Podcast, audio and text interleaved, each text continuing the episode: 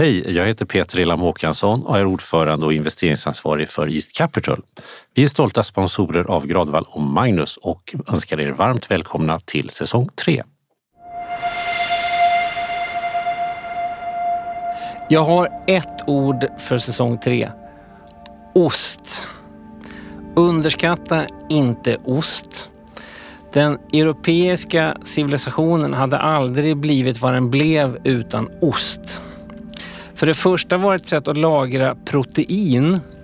Annars var ju protein en färskvara, men i och med att man nu kunde lagra protein i grottor och så vidare så kunde man ägna sig åt andra saker. Och i och med att ostframställning var så viktig så gjorde det urvalet av vilka kreatur man skulle slakta då att man slaktade handjuren, om man nu säger handjur om får och kossor, tjurar. Eh, Medan hondjuren var ju så viktiga att ha kvar så att de rörde man inte. De skulle producera mjölk som blev ost.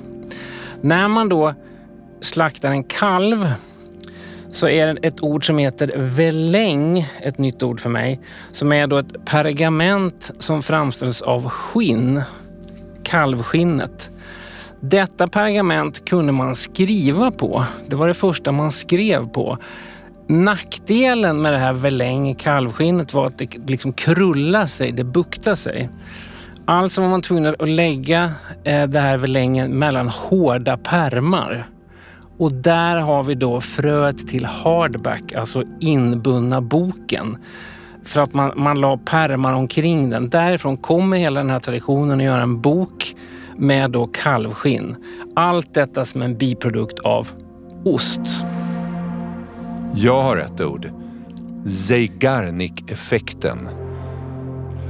Döpt efter den sovjetiska psykologen Bluma Zeigarnik som insåg att om man blir eh, avbruten när man gör någonting så är det mycket lättare att komma på den uppgiften. Den stannar liksom kvar. Eller om man har någonting ogjort eller ofullständigt så ligger den där och väcker en och påminner en och sitter på sängkanten. Ungefär som podden Gradvall och Magnus för dig och mig, Janne. Ja.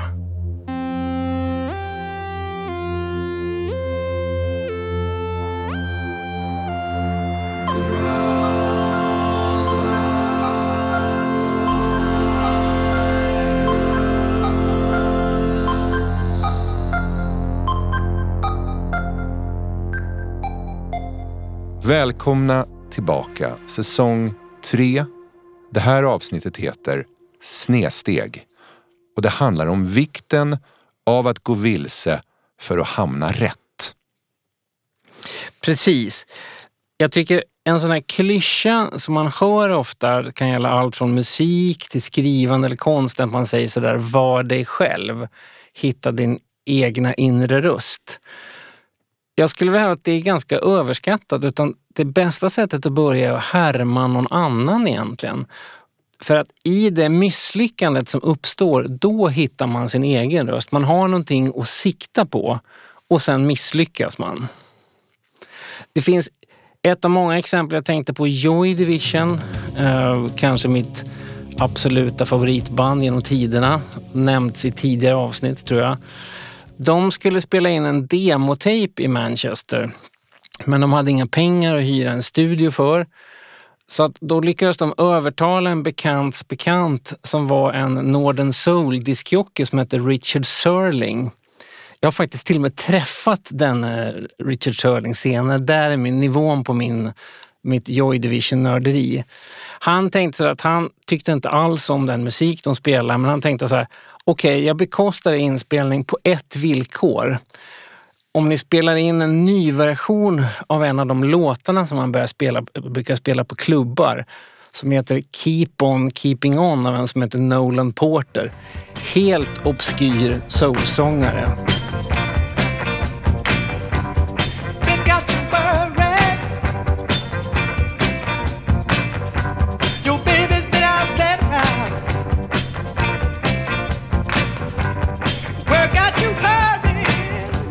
Vilket också är typiskt då för Northern Soul. Northern Soul är namnet på egentligen en engelsk subkultur som har uppstått i norra England, därav namnet. där man dansar på klubbar till väldigt så här stompiga gamla soul-låtar som låter ungefär som Motown-låtar fast mer obskyra, därav kulturen. Och den här Keep on keeping on är verkligen en sån låt. En klassiker på klubbar i Manchester och England men ingen annan har hört den. Joy Division kliver in i studion och börjar spela det här och det låter ju förjävligt. För att de, de tycker inte om låten. Richard Sterling tycker inte om hur Joy Division låter. Men i sitt misslyckande att försöka spela en stompig Northern Soul-låt så uppstår riffet till Interzone.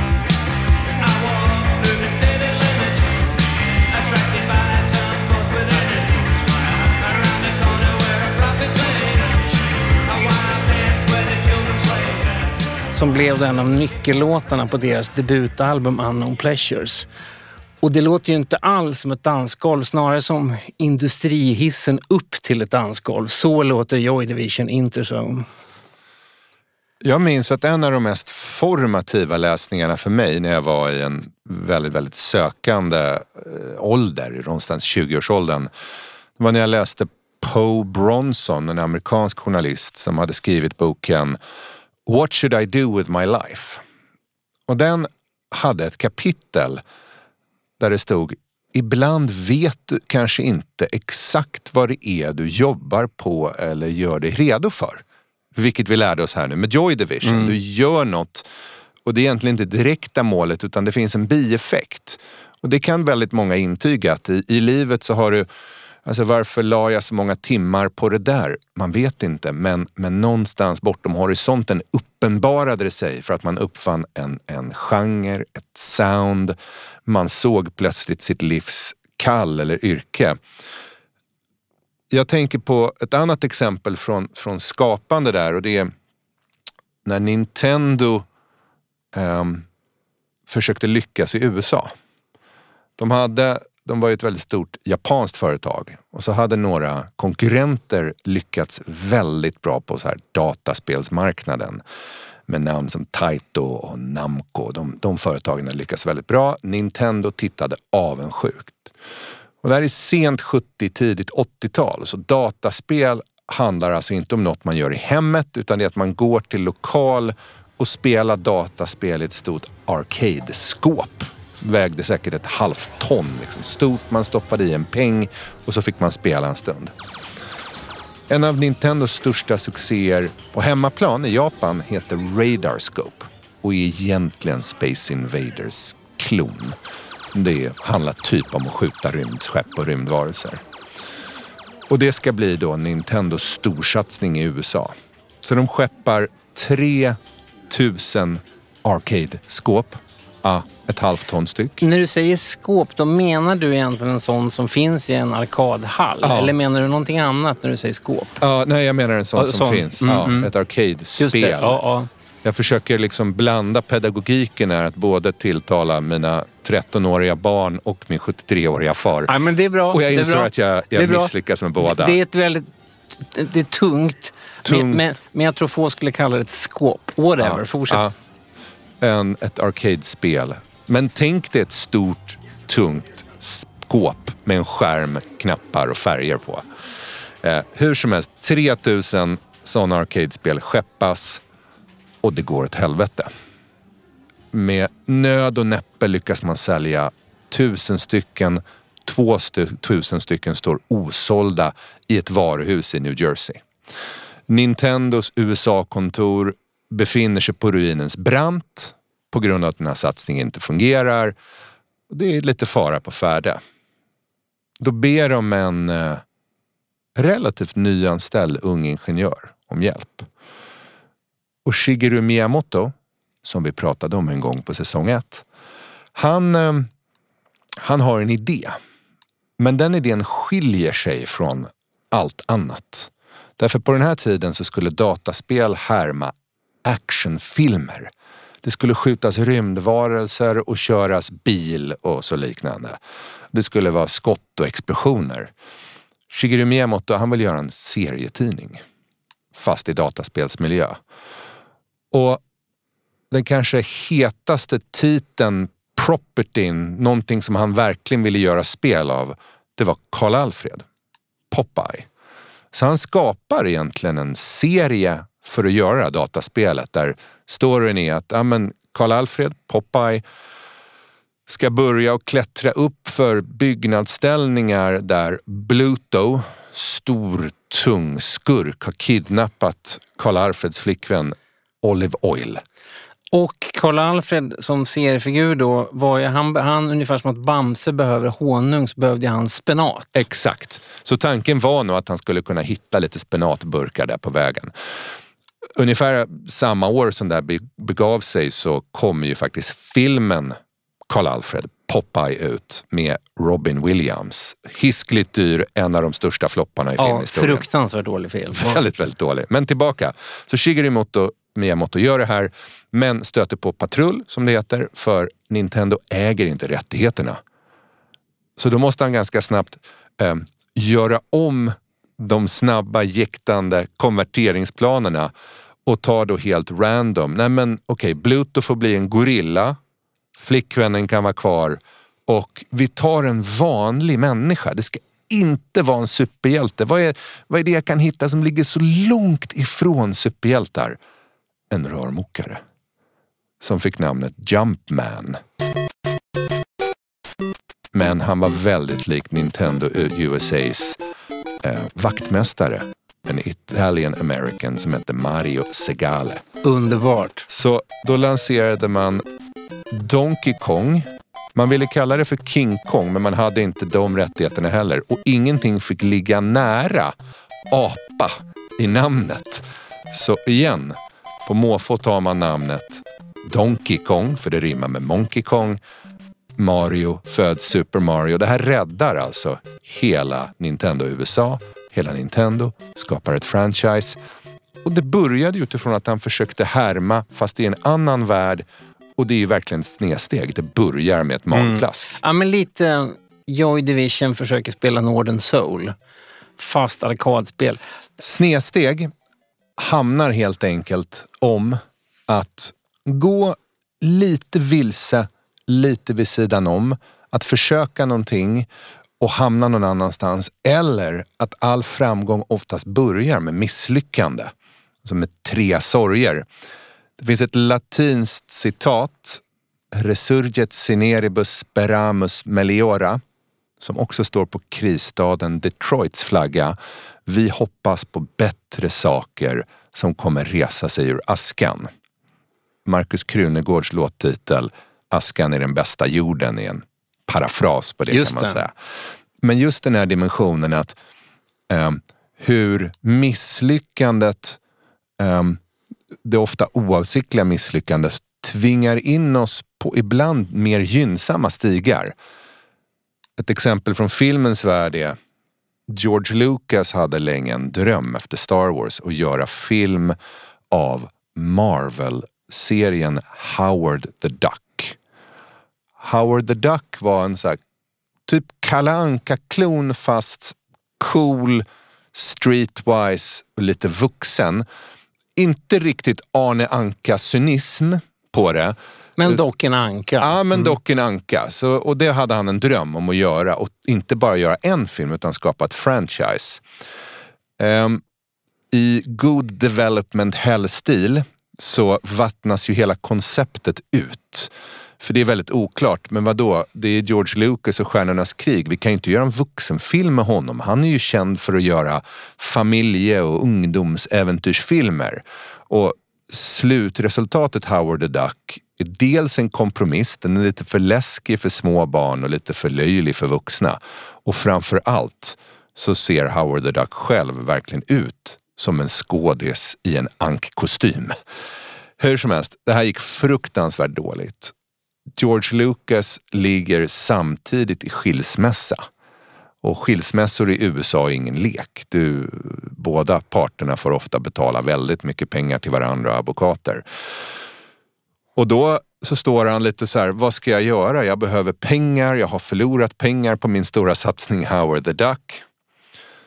Så han säljer en del av sitt företag som heter Lucasfilms Computer Division det var ett experimentellt sätt att göra filmeffekter med stordatorer. Köparen var Steve Jobs. Som döpte om Lucasfilms Computer Division efter några år till Pixar.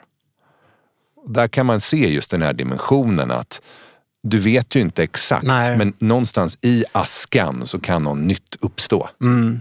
Det, jag tror att det avgörande är just med, med snedsteget att man faktiskt uppriktigt siktar på någonting. Det tror jag är viktigt. Det är mycket svårare att skapa någonting från intet, men man, man tar siktet, det här vill jag göra.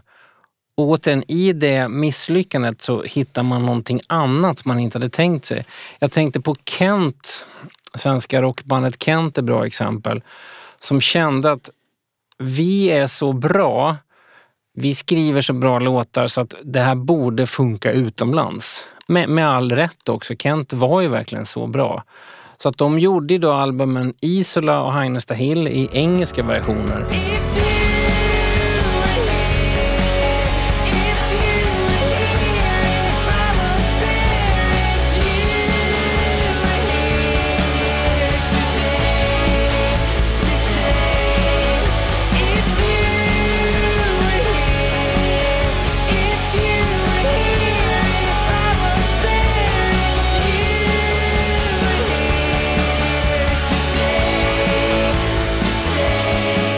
Inte så att de översatte dem som flera tror, utan jag vet att Jocke Berg berättat detta att i flera av de där låtarna så skrevs de engelska texterna först. Det var verkligen engelska skivor liksom. Men Kent satsade allt då på att bli Kent i USA så att säga.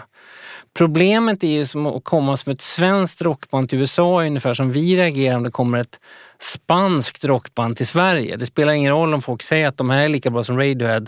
Vi vill inte lyssna på det för att de kommer från Spanien. Så att de stångades ju blodiga mot det här totala ointresset i USA. Och så satt de längst bak i en, i en turnébuss då och, och lyssnade på Jojje Wadenius gamla svenska barnskiva Goddag, goddag och kände att nej, men det är ändå Sverige som är grejen. Vi skiter i det här. När vi kommer hem till Sverige ska vi aldrig mer göra musik på engelska, bestämmer de sig för och håller det.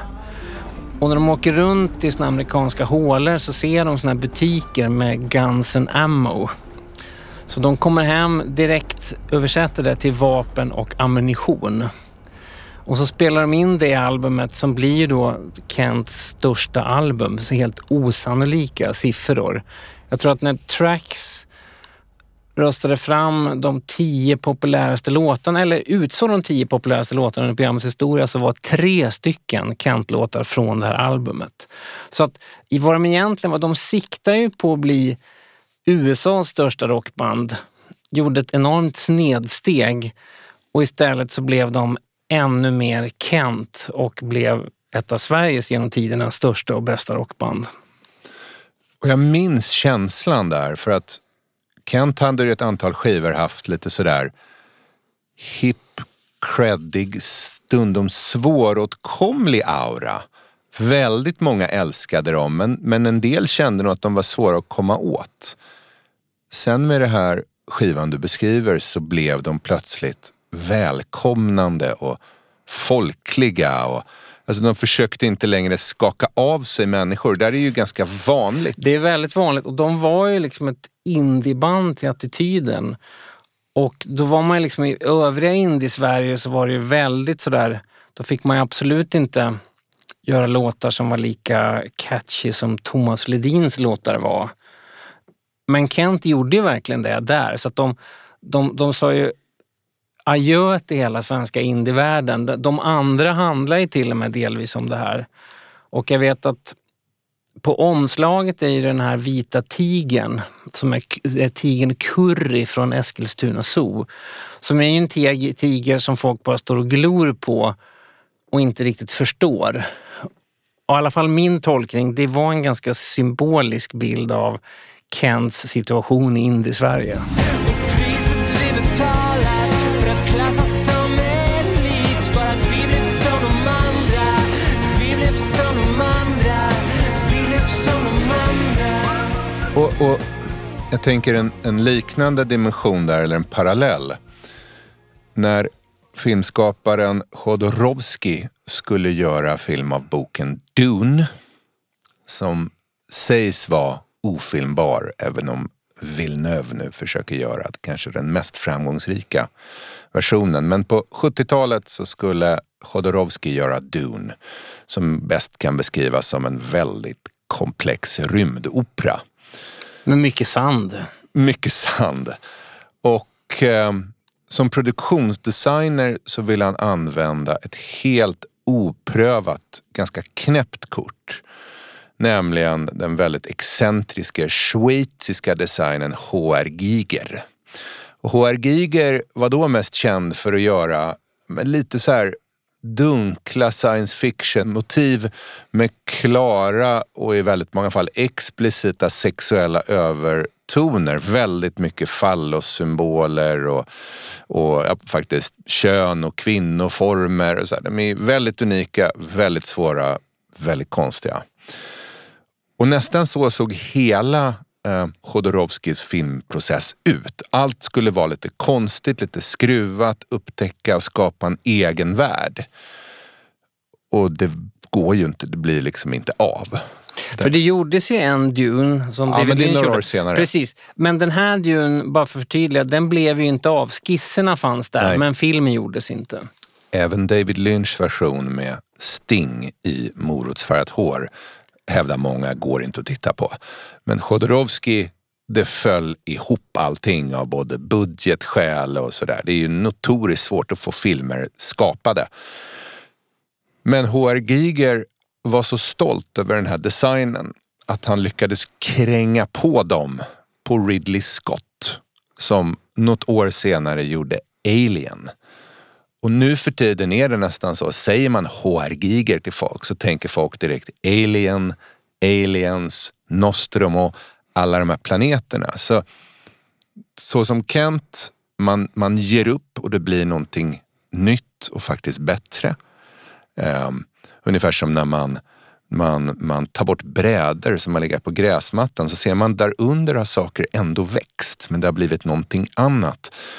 Men i det här fallet då med, med Chodorowskis Dune så utvecklar man verktyg som man inte får användning för men som sen går att använda någon annanstans. Men jag tänkte, apropå liknande, jag nämnde ju Thomas Ledin förut, om man håller mitt i Kent-exemplet, men han har ju också gjort en liknande sak. Han vill ju precis på samma sätt egentligen så kände han, vänta nu, om jag är så här stor i Sverige och skriver så här catchy låtar som en, helt, en hel nation älskar, det här borde ju funka utomlands. Liksom. Jag har dessutom kontakter med ABBA, jag kan göra en duett med Agneta Fältskog, jag har sjungit kör med ABBA på en turné. Jag har verkligen lärt mig hur den internationella popvärlden fungerar. Så att han spelar ju, jag tror det är 1982 in albumet Human Touch. För övrigt en titel som Springsteen snor inom situationstecken år senare. Men när man lyssnar på det här, det, det håller ju inte. Han har varit väldigt öppen med det själv. Att det är liksom bra pop, men det har ju inte den här personligheten som Thomas Ledins övriga låtar har. Och en av de här låtarna då på det här misslyckade Human Touch-albumet skriver han ju sedan en svensk text till. Men melodin är likadan och den texten heter ju Sommaren är kort. taken by surprise. Can't believe my eyes. I never thought this could possibly happen to you and me. Taken by surprise. Sunshine from rainy skies. You've changed it all. You've changed me. I'm in love suddenly. Och är i likhet då med Kent Sverige nästan lite av en nationalhymn. Verkligen, verkligen. Det kan man ju säga på skämt. Sommaren är kort, det mesta regnar bort. Det krävs generellt sett otroligt mycket misslyckanden för att lyckas med saker. Och vi glömmer ofta det, för vi reducerar gärna saker till binära berättelser. Framgång, succé eller liksom fiasko. Och glömmer bort att nästan i varje framgång eller framgångsrik person eller företag så ligger ju ett spår av misslyckanden. Amazon, världens idag mest värdefulla företag, ja, men de försökte ju köpa en massa andra varumärken, Pets.com och djurmat. Allt gick dåligt. De försökte bygga en egen leksakslinje eh, och, och sänkte nästan alltså 40 miljoner dollar i det. Då var de tvungna att skriva av allting, det gick så dåligt. De byggde eh, en auktionsdel för att konkurrera direkt med Ebay. Funkade inte alls. Breddar vi det här lite grann och tar några andra av de här superhypade globala företagen. Så Apples första telefon var ju ett samarbete med Motorola som hette Rocker. R-O-K-R. En bedrövligt värdelös kompromissprodukt. Det var typ en ganska dålig Motorola-telefon där man kunde ladda på låtar. Men det här stod Steve Jobs och lanserade och sa nu går vi in i telefonin. Och det krävdes ju nästan som en lärdom att förstå. Eh, Microsoft, ytterligare ett superhypat bolag, de kallar ju deras största flopp någonsin, det är Bob. Och tanken där var att skapa ett grafiskt interface för barn. Så istället för att du skulle ha då såna här kabinett och filer och liknande så skulle du då gå in som i ett kontor och så fanns det en hund där och så skulle du kunna trycka på hunden och be den att göra saker och hitta dokument. Det här glömmer vi nästan alltid. Ja, det där är viktigt för att när man skriver biografier om allt från då tech-entreprenörer till rockband eller forskare, då spelar man ju filmen baklänges så att säga. Och då tenderar man ju på att se allting som tecken på vägen. Att det här gjorde de och sen blev det det här. Men den korrekta versionen är ju en massa snedsteg egentligen som man inte hade en aning om följderna från, som de flesta gör. Man vet ju inte riktigt. Så att nästan alla karriärer, alla levnadshistorier är mycket, mycket mer nyckfulla och svårbegripliga. Men då gör vi ju historier av det och en historia flyter bättre om vi gör den enkel så att säga.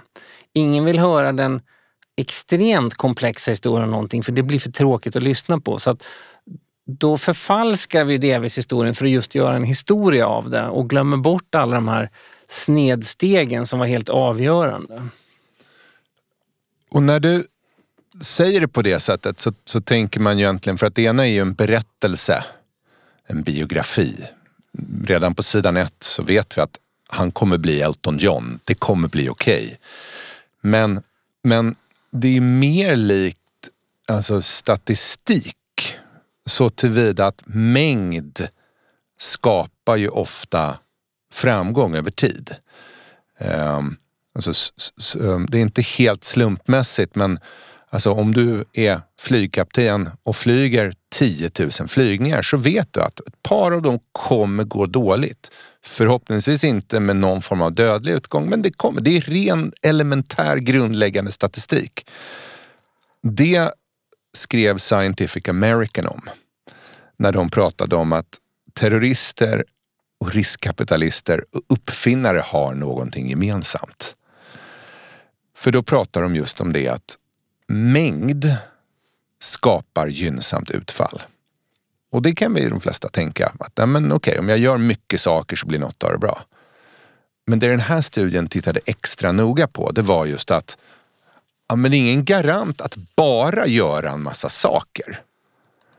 Utan de där det gick bra, terrorattentat som lyckas och Scientific American studie visar att om det dog en eller fler människor så räknar vi det som en framgång. Riskkapitalisterna, om vi lyckas sälja eller börsnotera bolaget är det en framgång.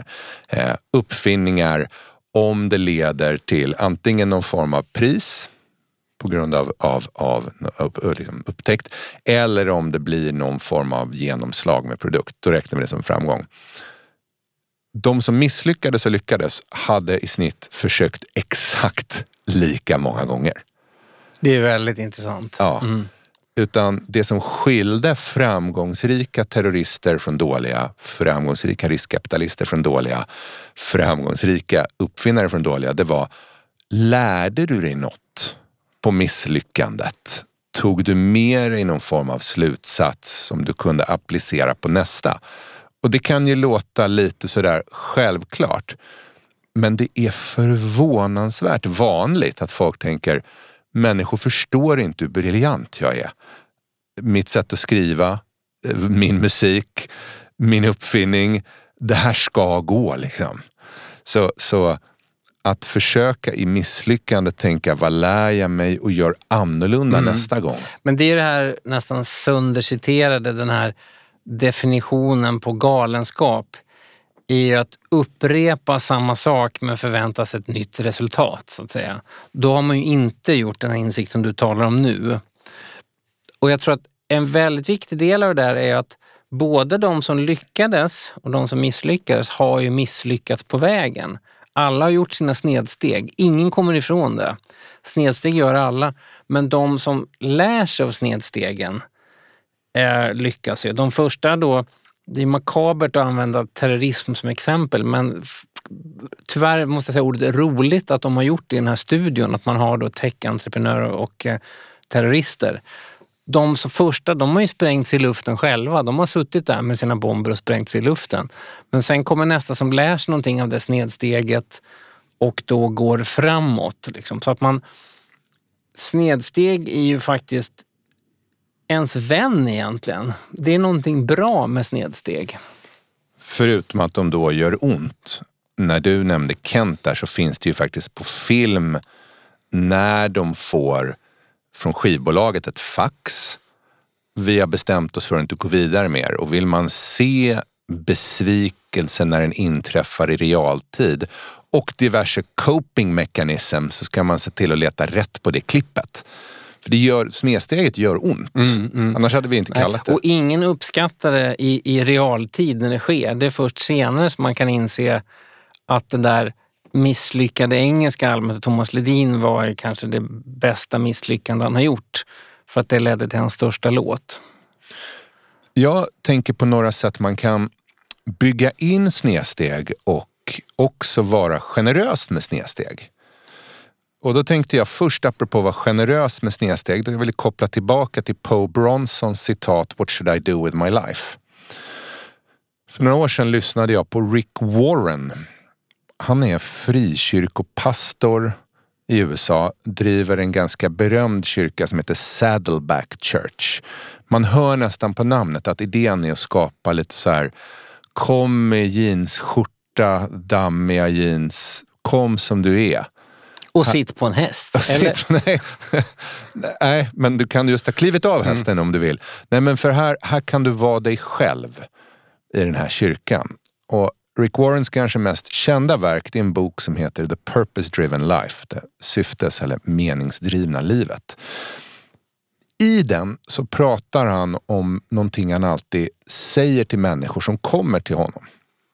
Han citerar en bibeltext, det behöver inte vi göra här, men han säger så här, titta på vad du har i händerna. Vad har du i händerna just nu? Och vissa blir perplexa och undrar, men det han far efter är ju såklart vad, vad, vad kan du i det du är just nu som du kan dra nytta av? Vad kan du använda? Och han har hjälpt allt ifrån basketspelare, NBA-stjärnor att bygga stiftelser i utsatta områden för att de kan spela basket. What's in your hand? Det är en basketboll. Jag tänker alltid på det när jag hör syntbandet Front 242 vars mest framgångsrika låt heter Headhunter.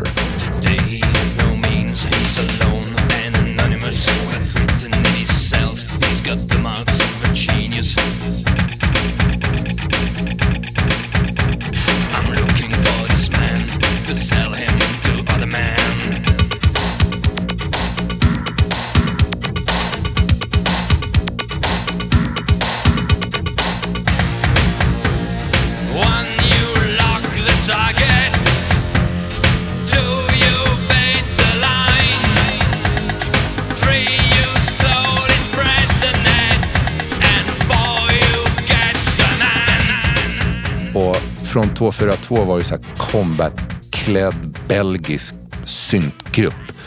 Så när de spelade Headhunter så tänker man att det handlar nog om så här och verkligen prisjägare, liksom man är ute på jakt. Nej, det visade sig att en av medlemmarna, eftersom de inte kunde försörja sig på musiken då, eh, jobbade extra som försäkringsmäklare. Så texten i Headhunter, one you lock the target, two you bait the line, three you slowly spread the net, four you catch the man. Det är säljledarens peppande ord till personalen. Så här säljer man försäkringar. Detta kanske också är förklaringen till varför genren syntpop är så otroligt stor på skolor motsvarande Handels där du har gått. Det känns som att alla som kom från den bakgrunden älskar synt. En sak som du sa det här, som den här pastorn sa att man ska titta på vad man har i handen. Jag bara fastnade vid den. Jag tänkte på, om man, om man är bokstavlig med det, som jag gissar att han menar, om man tänker sig själv, vad har man i handen nu? Jo, det är nästan alltid en, en smartphone. Och så sitter man kanske på ett möte, man diskuterar hur ska vi göra? Hur ska vi rädda skivindustrin? Hur ska vi rädda bokbranschen? Hur ska vi rädda reklambranschen? Svaret är nog faktiskt vad du har i handen för att om det du gör inte utgår från smartphone, är inte anpassat för smartphone, så kommer det aldrig fästa. Eh, det begrep ju inte skivbranschen till exempel. De, de tänkte ju så att de förstod ju inte att det här skulle vara en digital lösning. De tänkte hela tiden så här, hur ska vi sälja CD-skivor? Vi är så bra på att få dem skickade från Holland i lastbilar så att säga. Men lösningen var ju det de hade i handen. De satt ju med mobiltelefonerna på mötet och hade de bara tänkt att ja, men får vi in musiken i den här, i den här vi har i handen, där har vi nog svaret. What's in your hands? Det finns en annan dimension apropå snedsteg. Och det var att man gjorde på Northwestern University en studie med hjälp av maskininlärning, vilket gör att man kan scanna enorma mängder data. Och då ville de ta reda på, um, kan man på något sätt förutspå varför konstnärer, och de tittade både då på konstnärer inom måleri och skulptur, men de tittade också på filmskapare och så tittade de på Nobelprisvinnare. Kan man förutspå när de har en så kallad hot streak? När de har, du vet, de här åren när allt de gör blir till guld. För så är det ju nästan allting. Så är det för eh, musiker inte minst, eller skådespelare. Man har en hot streak. Precis, åtminstone de vi hört talas om sen. Men hur som helst så tittade man på drygt 2000 konstnärer. Från Jackson Pollock till Frida Kahlo. Eh, över 4000 filmregissörer. Från Mejaros till, till Peter Jackson. Och över 20 000 vetenskapspersoner. Eh, inklusive då ett antal Nobelprisvinnare. Eh, och då såg de oerhört intressant mönster som har att göra med snedsteg. Just före de här människorna i tre olika fält hade sina då hot streaks som kunde vara allt från något år till ett decennium i vissa fall. Så hade de ofta haft en extremt experimentell period. Hot streaket dock så var det ofta så att man fokuserade på en genre. Man höll sig till det som fungerade. Men om vi tar, jag tog Peter Jackson här som ett exempel.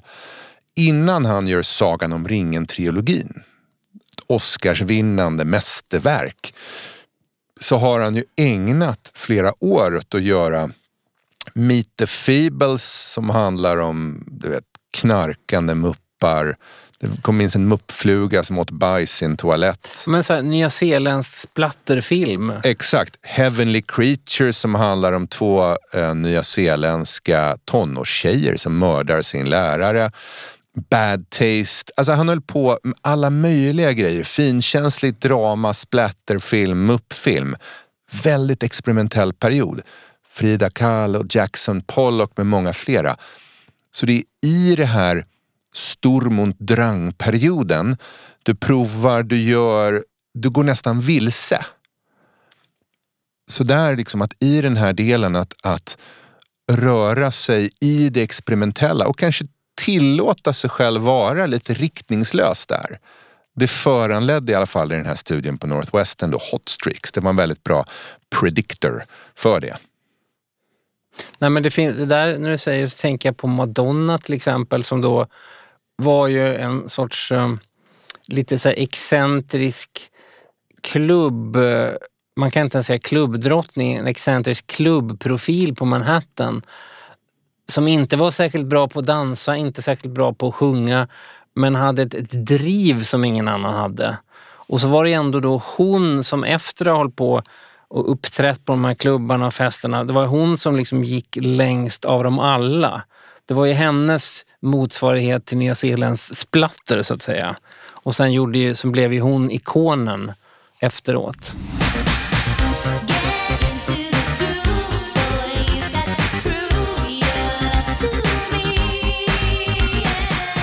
När vi pratar om artister som har varit svåra att nå och plötsligt av flera olika skäl går över till att bli öppna upp, inkluderande, varma, så måste vi prata om Nick Cave. Mm, gärna. Som la sitt 80-tal på Ja, jag har ju faktiskt sett Nick Caves första band som heter Birthday Party två gånger till och med. När jag var 18 år i London och så konstiga band på klubbar. Och det är bland det mest extrema jag har sett som var otroligt hotfullt, utagerande, skrammel. Extremt häftigt. Jag gick till och med och såg dem en andra gång på grund av det. Men, men det är ju det är så långt ifrån vad Nick Cave är känd som nu. Att nu är han ju etablerad och respekterad som nästan en sorts figur som Leonard Cohen ungefär.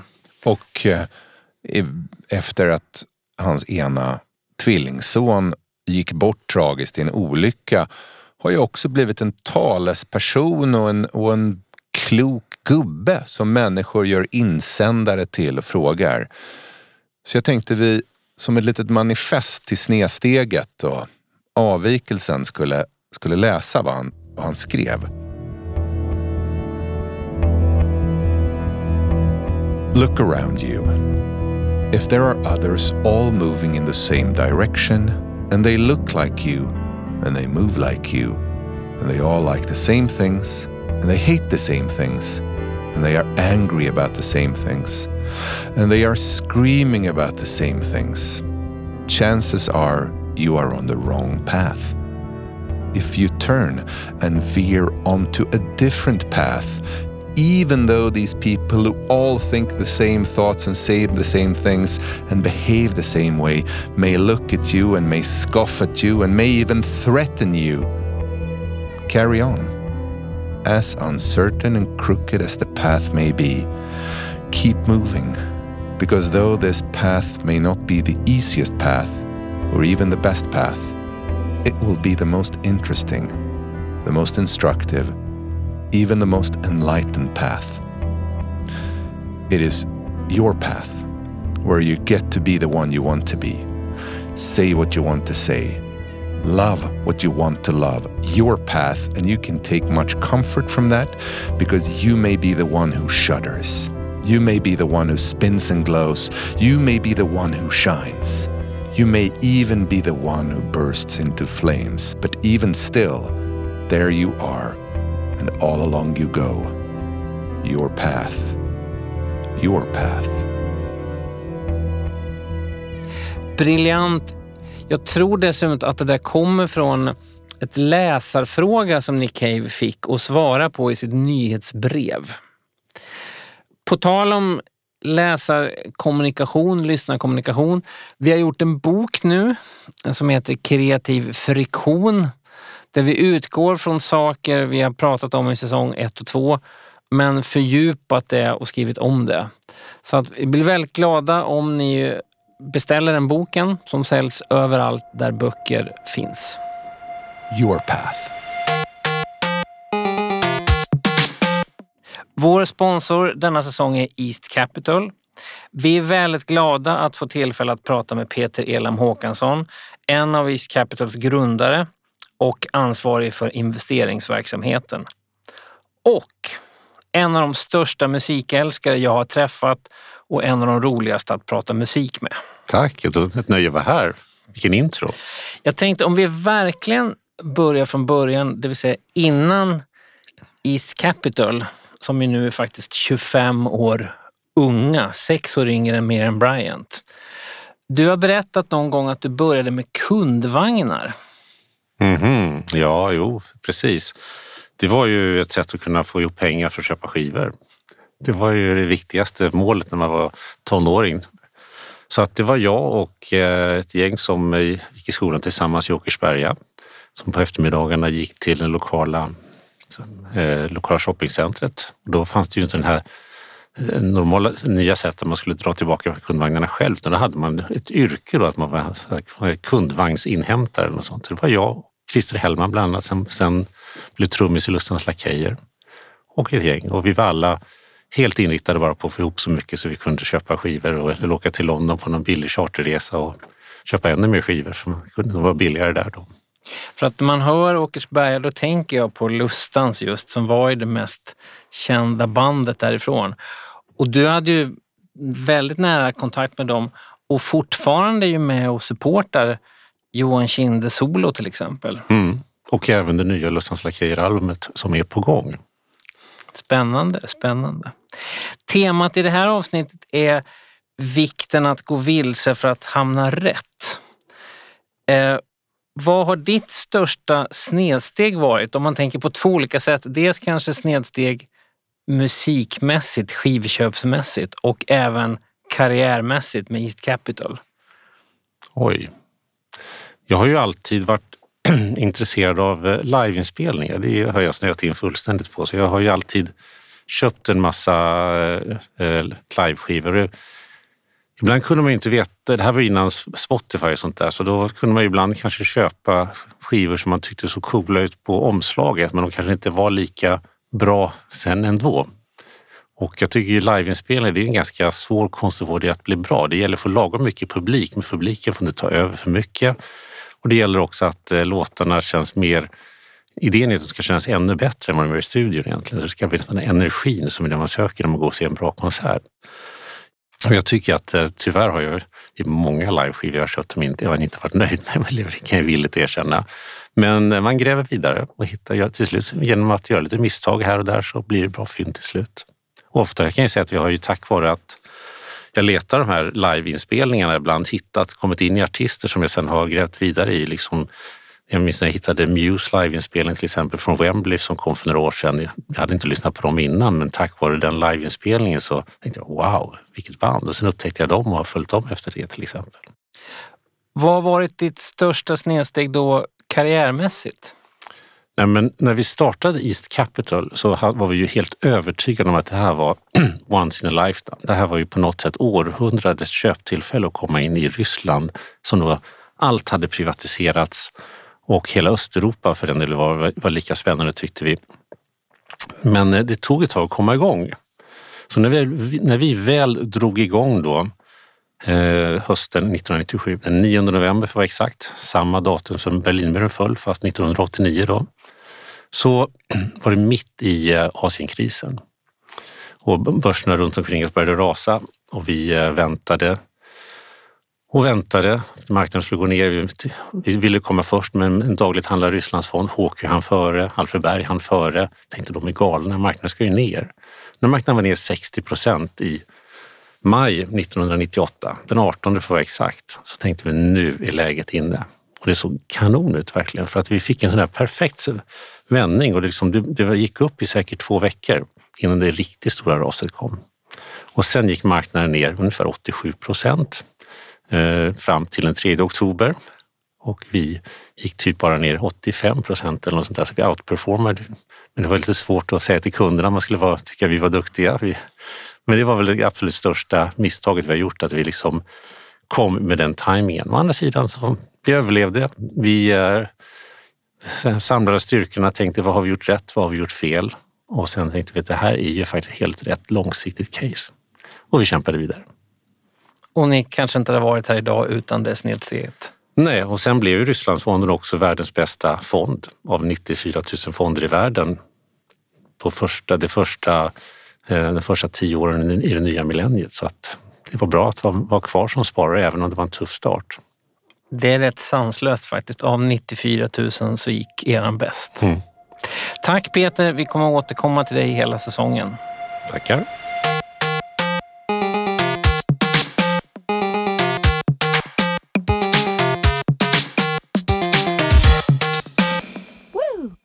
Du har lyssnat på Gradvall och Magnus, inspelningsstudio A1, ljudtekniker Jonas Sjöberg, formgivare Nina Ulmaja, sponsor East Capital. Vår bok Kreativ friktion finns ute nu på Volante förlag.